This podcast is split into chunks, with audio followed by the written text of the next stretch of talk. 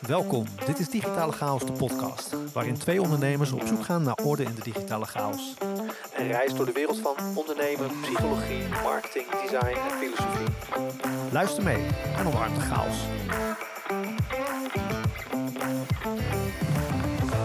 Hey, hallo, leuk dat je er weer bent. En um, welkom bij deze nieuwe shortcast van uh, Digitale Chaos. En um, afgelopen weken was uh, Christian uh, een van de beurt. En nu ben ik weer om, om jullie te vermaken met een, met een korte podcast. En um, nou ja, zoals de titel natuurlijk al een beetje zegt, ik wil het gaan hebben over itereren. En itereren in de context van business design, waar ik het al eerder over gehad heb, in het werkproces wat ik aan het beschrijven ben, is een hele belangrijke stap. Ik wil het nu ook gewoon een beetje algemeen houden, om natuurlijk uh, het uh, ook praktisch te houden voor jullie. En um, in de vorige stap, van eigenlijk de shortcast van een paar weken terug, hebben we het gehad over framen.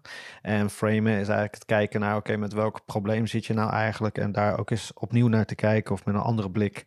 Of misschien ook iets meer de context mee te nemen in, um, in, in die stap. En, en misschien eens te herdefiniëren van wat is nou het daadwerkelijke probleem wat ik wil oplossen. En als je die stap een beetje doorlopen hebt, op een gegeven moment ga je oplossingen bedenken voor de, de problemen waar je tegenaan loopt, de uitdagingen waar je tegenaan loopt. En in veel gevallen is het um, daarin goed om te gaan itereren. Itereren heeft de laatste jaren wat meer um, tractie gekregen als, als, als thema, zeg maar. Dus ja, ik denk dat er steeds meer mensen zijn die, uh, die het woord kennen. Een paar jaar terug moest ik nogal regelmatig veel uitleggen. Um, ga ik toch even doen. En ja, eigenlijk komt het een beetje uit, uh, in mijn geval, uit de designers mindset. Um, op het moment dat je gaat designen, bijvoorbeeld met een logo of met een, um, um, met een brochure of wat dan ook. Op een gegeven moment moet je een keer beginnen.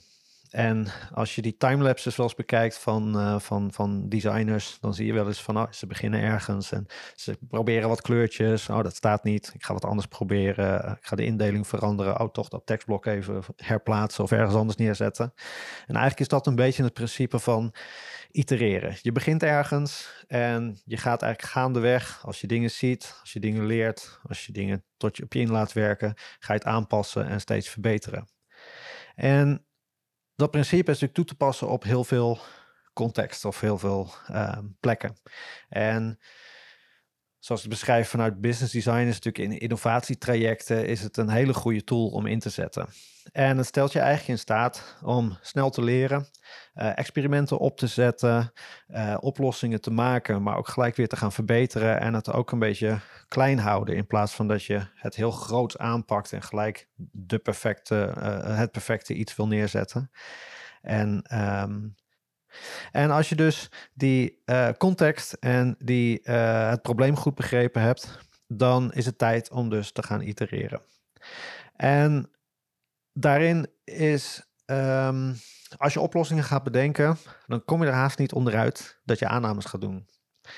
En ik weet het, het is een eng woord, aannames. Uh, het is iets waar je natuurlijk zoveel mogelijk van, van weg wil blijven.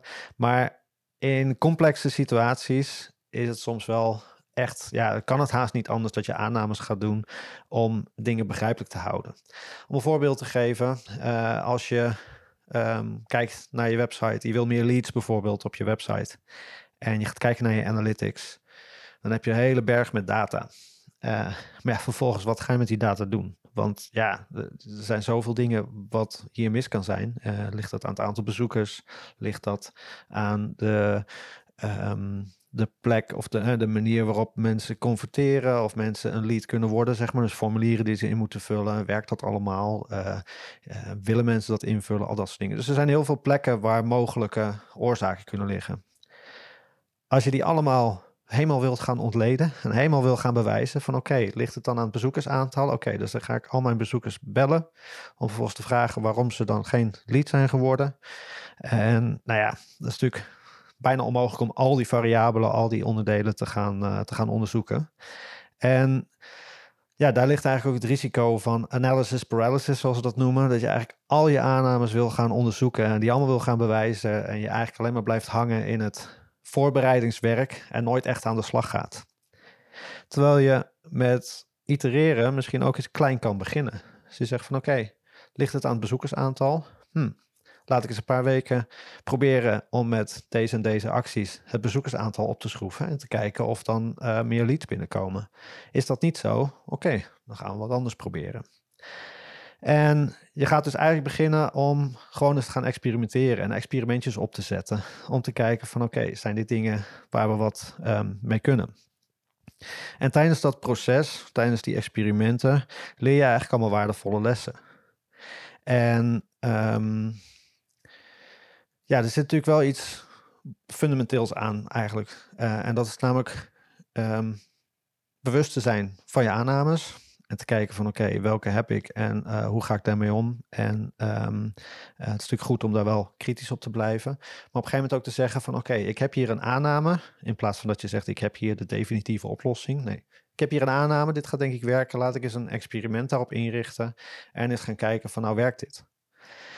En probeer dat ook maar eens gewoon echt klein te maken.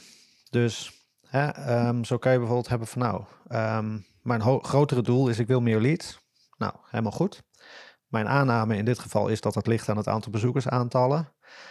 Hoe kan ik een experiment bedenken waarmee ik dus meer bezoekers naar mijn website haal?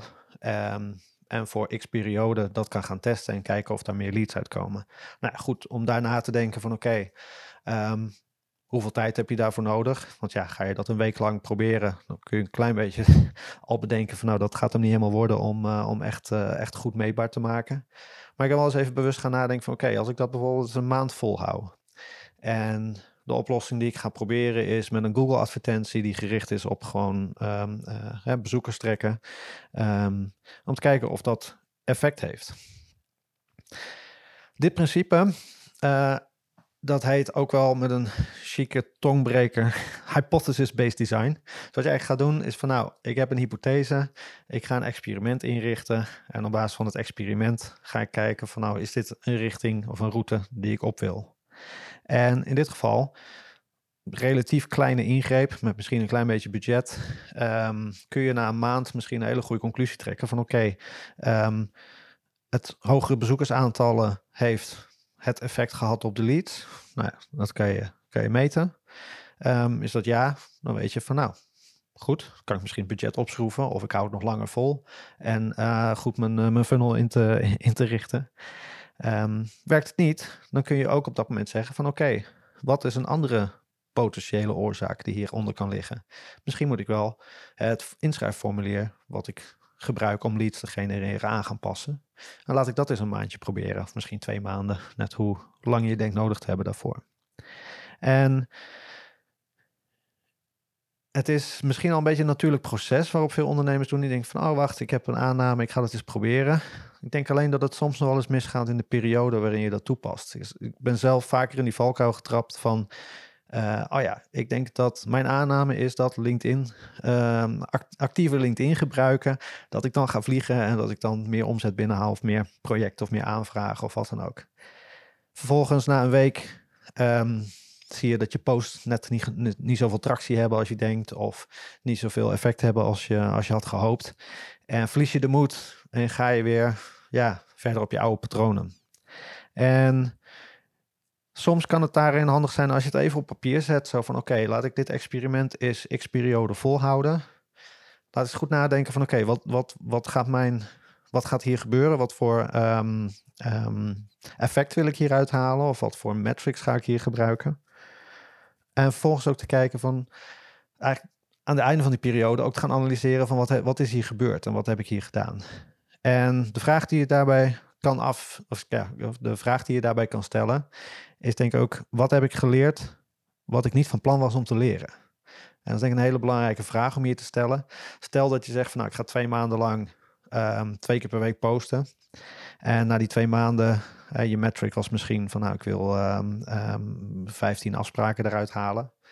En uiteindelijk heb je er misschien maar twee uitgehaald. Dan kan je natuurlijk de conclusie trekken van nou, uh, posten op LinkedIn heeft geen zin. Nou ja, de vraag is of dat de juiste conclusie is.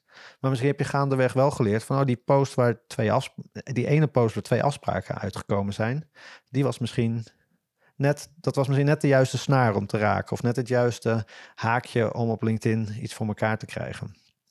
En dat is precies zo'n les die je leert die je misschien helemaal niet gesteld had. Dus misschien moet je wel je content aan gaan passen of op een andere manier daarna gaan kijken. Of misschien is de les hier wel van misschien moet je wel vier keer per week gaan posten. Om dat, uh, je, je, um, je doelen voor elkaar te krijgen. Um, ik heb daarvoor zelf uh, wat experimentenkaarten zeg maar, uh, uitgedacht. Of eigenlijk een procesje in, uh, in Miro. Um, ik zat eigenlijk tijdens de opname of tijdens de voorbereiding te denken van, oh ja, het was eigenlijk wel heel tof geweest om dat te delen in de, in de resources. Die moet, dat, daarvoor moet ik hem nog even een beetje um, aan gaan passen en, en, misschien even als template te maken. Maar mocht je het leuk vinden om, uh, om, om daar eens naar te kijken of daar um, uh, een, een, een, template van te krijgen, uh, laat het weten. zoek me even op LinkedIn op bijvoorbeeld of mail mij op een andere manier. maar als je het leuk vindt om dat te ontvangen, dan, uh, dan zal ik met je delen. Dus DM of weet ik veel wat.